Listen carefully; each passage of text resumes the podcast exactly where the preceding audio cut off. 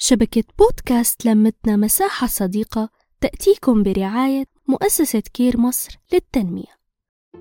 أهلا بيكم أنا سمر الحسن من لمتنا مساحة صديقة. هتلاقي كل يوم حاجة جديدة. هنتكلم عن تربية الأطفال وعن مشاكلك اللي انت بتواجهها والأكل وال fashion معاكم هنمشي الطريق في يوم جديد مع سمر.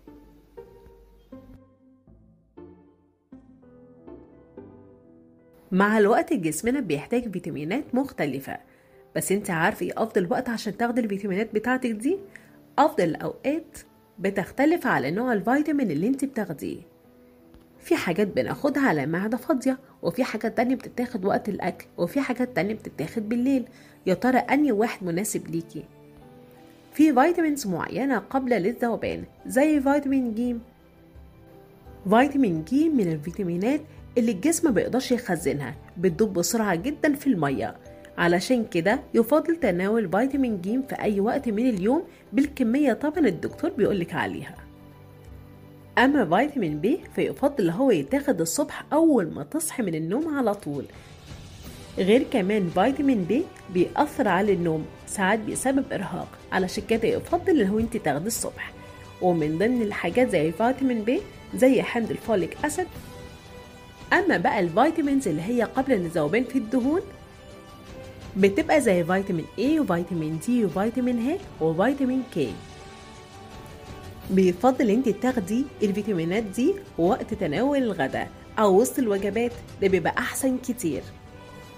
ولازم كمان تعرفي إن الفيتامينات دي لازم تاخديها تحت إشراف دكتور ولازم تعرفي جسمك محتاجها ولا لأ. لو انت حسيت إن انت عندك نقص منها حاولي تعوضيها بالأكلات اللي بتعزز وجود الفيتامينات دي في جسمك. المرأة الحامل بيبقى لها فيتامينات معينة قبل الولادة. غالبا المرأة الحامل بتحصل على مجموعة من ال vitamins والمعادن مع بعض زي الكالسيوم والحديد وحمض الفوليك. علشان كده بينصح تناولها بعد الغداء.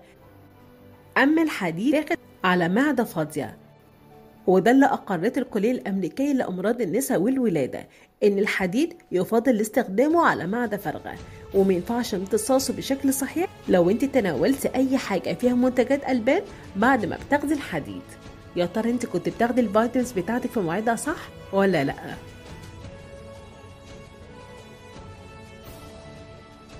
نحكي نتشارك نتواصل